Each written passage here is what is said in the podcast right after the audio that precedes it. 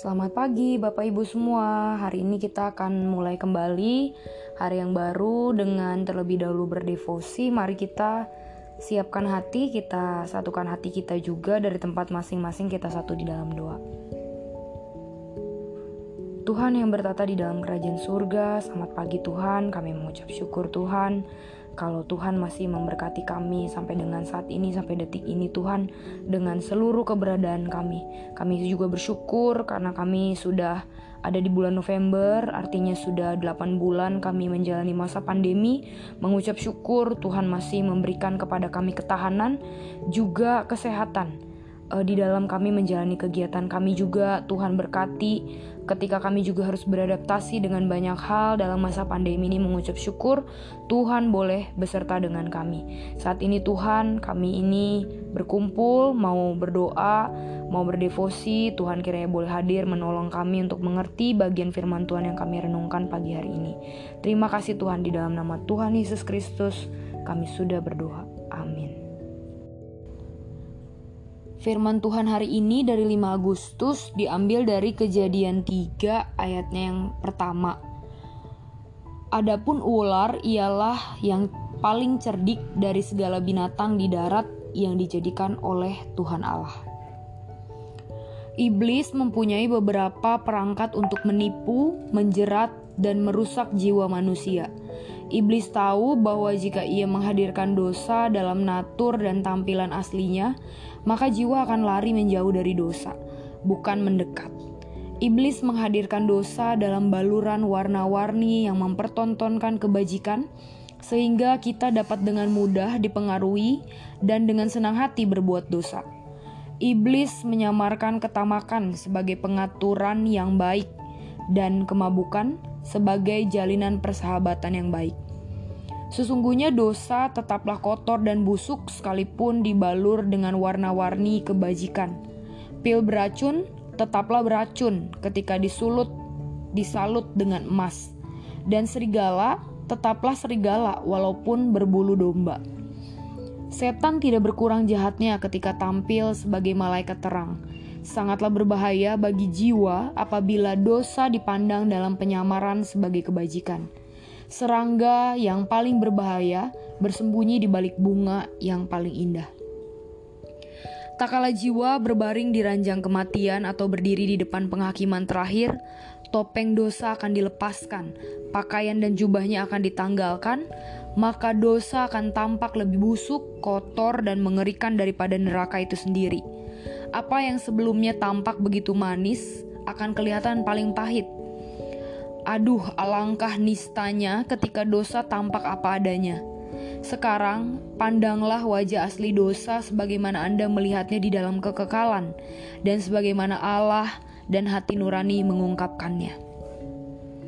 Ingatlah bahwa dosa-dosa yang dibalur oleh warna-warni kebajikan oleh iblis juga telah dibayar lunas oleh darah Tuhan Yesus dengan kesengsaraan dan kematian Yesus yang memegang tongkat kerajaan sorga telah diludahi dan dipakukan ke kayu salib. Sepantasnya lah hal itu menggugah hati kita untuk membalas dengan kemenangan atas dosa. Dosa telah membunuh Tuhan yang Maha Mulia. Ada satu nasihat yang baik. Jangan pernah jiwa Anda melepaskan pemikiran tentang Kristus yang tersalib. Jadikan ini sebagai lauk pauk dan minuman Anda sehari-hari, keindahan dan penghiburan Anda, madu dan hasrat Anda, bacaan dan renungan Anda, hidup, kematian, dan kebangkitan Anda.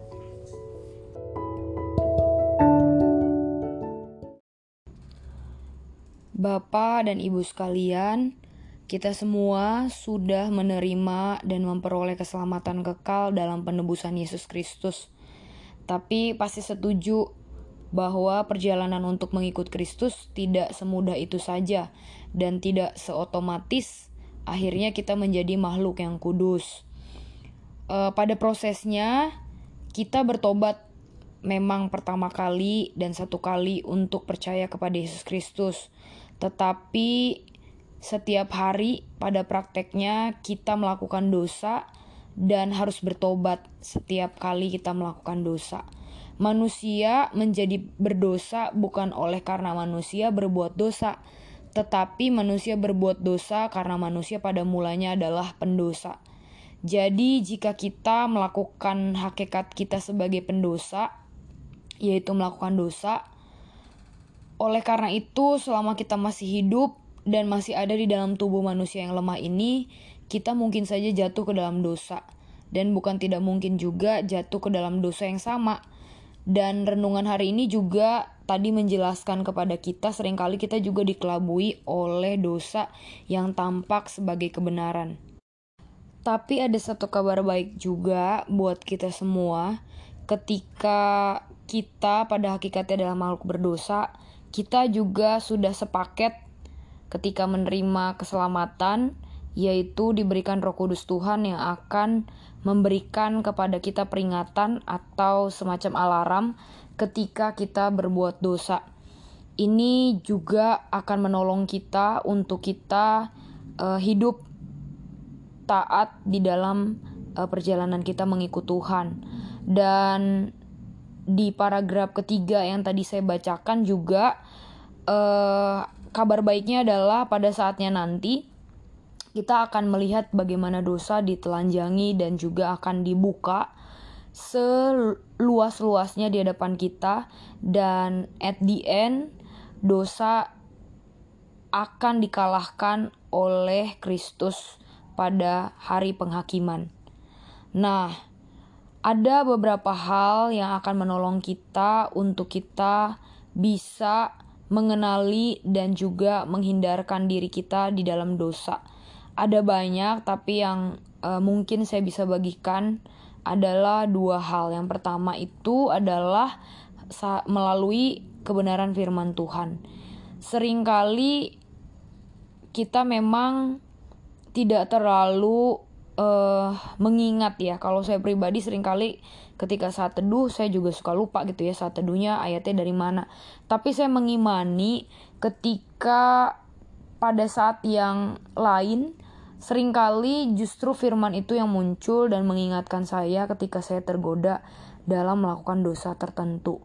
Dan saya percaya proses itu juga adalah proses yang uh, dilakukan oleh Roh Kudus yang bekerja di dalam hati saya. Hal yang kedua yang bisa kita lakukan adalah dengan kita mengaku dosa kepada sesama kita. Nah, mungkin setelah renungan ini juga Bapak Ibu bisa memilih satu atau dua orang uh, teman terdekat Bapak Ibu atau mungkin pasangan di rumah untuk kita bisa saling mengaku dosa dan bisa saling mendoa mendoakan. Karena itulah yang kita butuhkan, yaitu kita bersama-sama uh, melawan iblis dengan kita saling mengaku dan juga minta pengampunan dan minta dukungan doa dan juga dukungan dari orang terdekat kita untuk tidak jatuh lagi ke dalam dosa yang sama. Hal ini sih yang uh, menurut saya pribadi bisa membantu uh, karena orang-orang terdekat kita atau pasangan kita adalah orang-orang yang sering kali juga paling melihat keburukan dan kekurangan kita dan orang yang paling menghakimi tetapi juga orang yang paling mendukung juga di dalam kita uh, lebih maju lagi dan lebih bertumbuh lagi di dalam Tuhan. Terima kasih Bapak Ibu, selamat merenungkan kembali firman Tuhan secara pribadi, selamat menjalani hari ini. Kita akan tutup di dalam doa dan pokok doa nanti sudah dibagikan di dalam uh, grup WA kita, silahkan mendoakannya juga secara pribadi. Tuhan memberkati kita, mari kita berdoa. Tuhan kami mengucap syukur hari ini kami boleh diingatkan kembali bahwa pertempuran kami yang terutama di dalam dunia ini adalah pertempuran kami melawan kedagingan dan dosa. Pertempuran besar ini tidak kami jalani secara sendiri, tetapi bersyukur karena Tuhan Yesus Kristus sudah memenangkan pertempuran itu di kayu salib. Dan pada saatnya nanti pada hari penghakiman Tuhan juga akan mengalahkan si iblis dengan segala balutannya yang manis. Dan kami bersyukur juga karena kami sebagai komunitas uh, di dalam Kristus kami juga bisa saling mengaku dosa dan saling mendukung supaya kami boleh terus berjalan uh, di dalam jalannya Tuhan. Bersyukur Tuhan untuk renungan kami hari ini dan renungan-renungan sebelumnya mengenai hal ini kiranya Tuhan boleh menolong kami untuk kami lebih bertumbuh lagi dan lebih hidup taat dan takut akan Tuhan lagi. Kami serahkan sepanjang hari ini kegiatan kami dari pagi hingga sore, anak-anak murid, keluarga kami, uh, kegiatan sekolah kami dan juga banyak hal lain yang kami uh, sudah doakan juga di dalam pokok doa kami kiranya Tuhan boleh mendengarkan menjawabnya seturut dengan kehendak Tuhan. Terima kasih Tuhan dan kami juga tidak lupa mohon ampun atas segala dosa dan pelanggaran kami. Tuhan tolong kami untuk kami boleh hidup lebih bertanggung jawab lagi dan lebih menyenangkan hati Tuhan lagi lewat Eh, hari-hari yang Tuhan berikan sebagai kesempatan untuk kami boleh makin berubah lebih baik lagi. Terima kasih Tuhan di dalam nama Tuhan Yesus Kristus, Juru Selamat kami, kami sudah berdoa. Amin.